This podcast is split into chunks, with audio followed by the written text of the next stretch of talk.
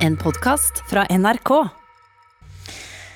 Først skal det handle om musikk. Forbundet for kunst og kultur, Creo, er bekymret for unge musikere. De er redde for at flere av dem bytter yrkesretning fordi de synes det blir vanskelig økonomisk.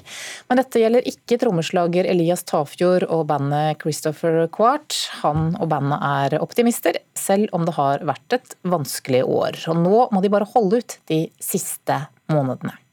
Heldigvis så har jeg en, eh, en familie som eh, er veldig støttende til det jeg driver med. At det blir på en måte, det er en investering for dem hvis de hjelper meg litt ut nå. Midt i den største krisen norsk musikkliv har sett, møter vi et band som til tross for mange store problemer regner med at alt er på stell om ikke så lenge. Ja, det fikser vi. Ja. En, to og en, to.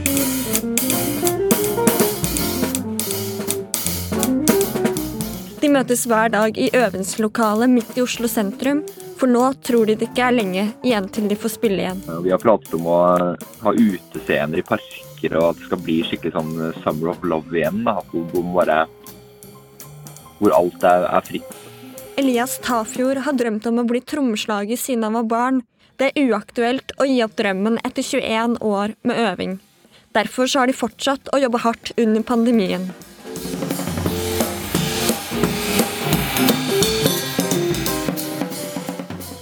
Oss er det her liksom, det er den beste jobben i verden. Og uh, Man møter mennesker, og man, uh, man, gjør det man elsker mest. Får lov til å reise rundt i verden. Sånn. Så Det er kanskje en, sånn, et, uh, en tanke om, om, hvordan det kommer til å bli. Da. Og Vi merker godt at vi savner sånn som det var før. Å spille et instrument profesjonelt handler også om å trene opp teknikk.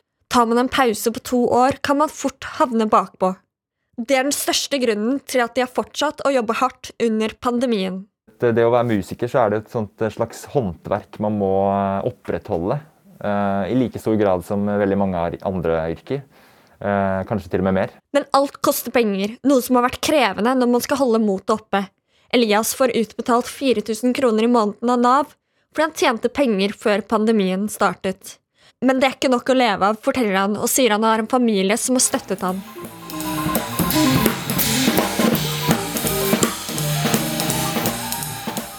Altså det er klart at eh, Vi eh, har full forståelse for at det å være frilans jazzmusiker ikke er det mest lukrative yrket i verden. Og Det visste vi også når vi begynte å studere, og det har vi visst eh, veldig lenge. Men det var ingen måte å vite at det kom en pandemi heller. Så det er på en måte lite man kan gjøre med det. da. Hans Ole Rian i Creo, Forbundet for kunst og kultur, sier at det er flere utøvende kunstnere som har utfordringer om dagen. De aller fleste av dem er musikere. Rian håper likevel at flere gjør som Elias og bandet og fortsetter å satse på drømmen. De er redd for at mange unge musikere ser seg nødt til å bytte yrke i løpet av pandemien, av økonomiske årsaker. Det er veldig vanskelig å gi råd, men vi håper inderlig at eh, de fortsetter. Da, for vi trenger de unge stemmene når vi kommer ut av pandemien. Vi trenger noen unge kunstnere som kan gi oss gode opplevelser i framtida også.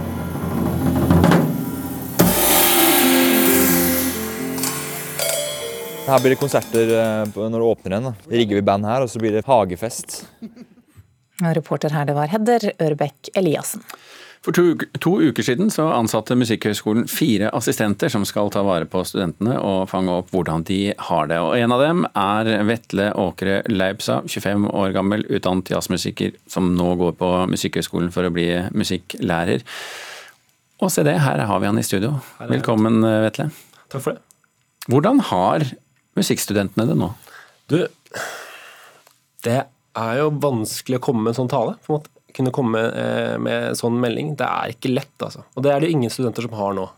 Jeg tenker på de som flyttet til en ny by, er 19 år, 18, også unge folk, og så sitter på hybelen i Bergen. Og der har de aldri vært. Det syns jeg er så trist å tenke på. Vi som musikkstudenter har kanskje vært litt bedre prioritert sånn sett. Vi har ofte fått være på skolen.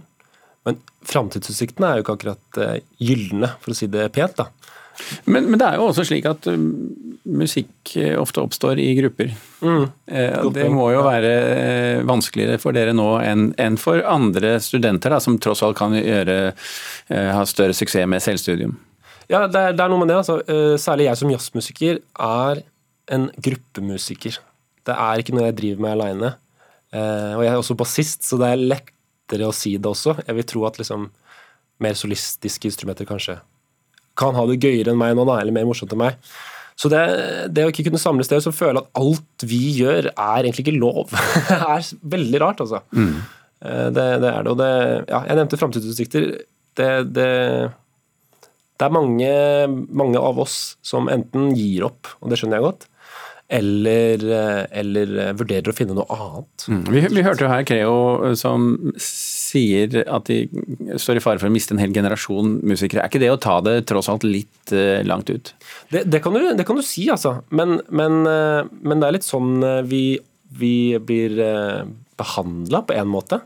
Det, det, er liksom ikke en eneste kompensasjonsordning som treffer oss. da. Jeg var heldig og hadde jobbet ganske mye forrige året, eller ganske mye, nok til å få akkurat få kompensasjon. De fleste jeg kjenner, har ikke gjort det fordi de har fulltidsstudium, prøvd å bli gode musikere, prøvd å gjennomføre på en god måte.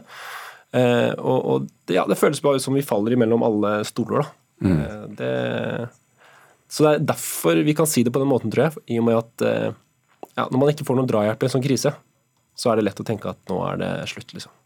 Eh, kan du eh, se at det muligens også har vært positivt for enkelte? musikkstudenter i denne tiden? Ja, både på et personlig nivå, sikkert for noen, men, men, uh, men også på et, uh, på et, kompetansenivå. Man blir kanskje mer nødt til å jobbe selvstendig, man blir kanskje mer nødt til å se på andre muligheter. Det er faktisk sånn at vi er altfor mange musikkstudenter i forhold til bransjen, hvor uh, trangt det er. da.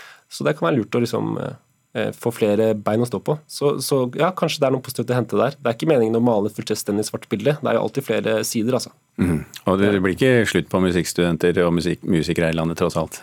Nei, det brenner jo. Det brenner jo i oss. Vi har veldig lyst til å fortsette vet du. gjøre dette her.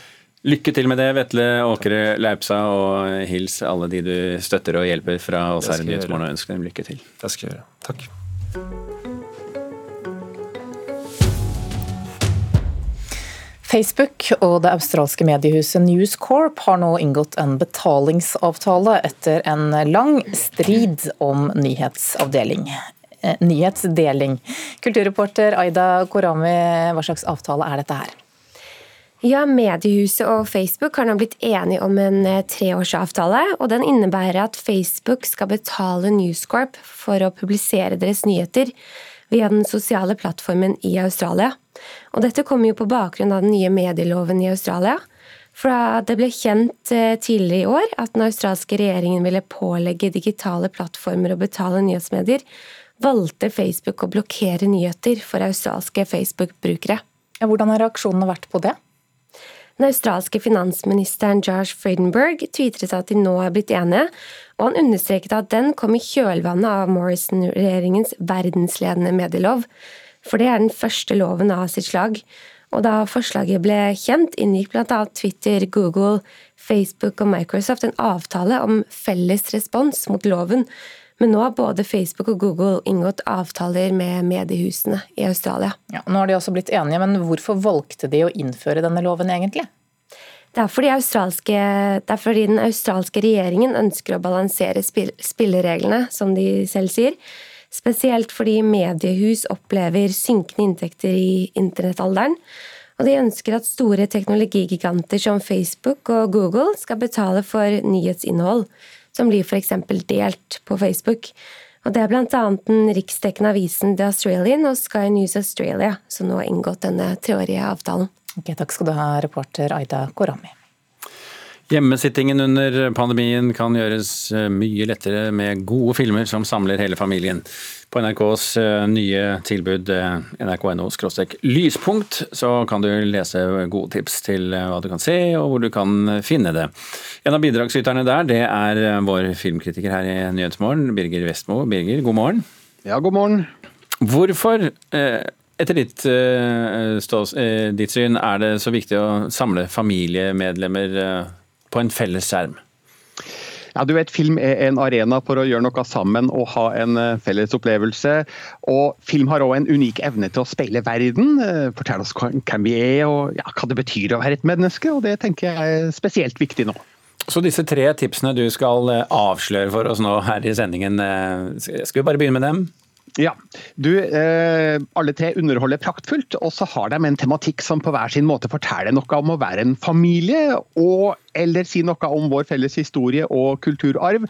Den første er fra 1982, nemlig ET, The Extraterrestrial. E.T. Home phone.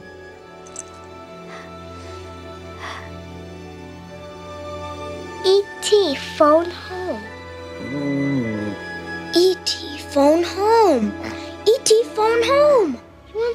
call somebody. Ja, dette er jo da, som ingen eh, overraskelse for noen, ET, en av verdens mest eh, kjente filmer. Men Birger, denne er altså over 40 år gammel. Hvorfor trekker du frem den? Snart 40 i hvert fall. Du, For det første så er det fremdeles en eventyrlig historie. Full av mystikk, undring og fascinasjon over det ukjente.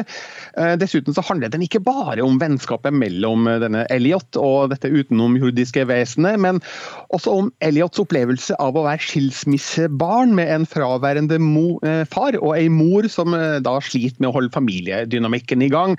Noe jeg tror mange dessverre kan relatere seg til også i dag. Mm. Eh, og så eh, filmtips eh, nummer to. En, eh, en skikkelig Oscar En skikkelig Oscar-harver, skal vi kalle det det? Ja, Den vant seks priser i 1994, bl.a. for beste film, regi og hovedrolle, nemlig Forest Gump. Do you want a chocolate? I could eat about a million and a half of these.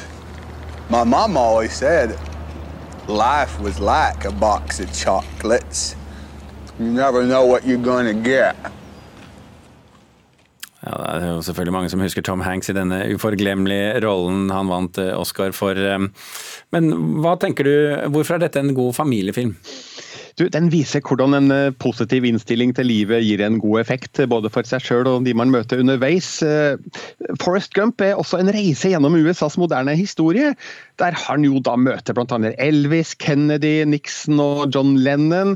Han kjemper i Vietnamkrigen, han protesterer mot den, og så starter han joggebølgen på 1980-tallet. Så her kan familien både mores, underholdes og beveges, samtidig som man får en glitrende historieleksjon.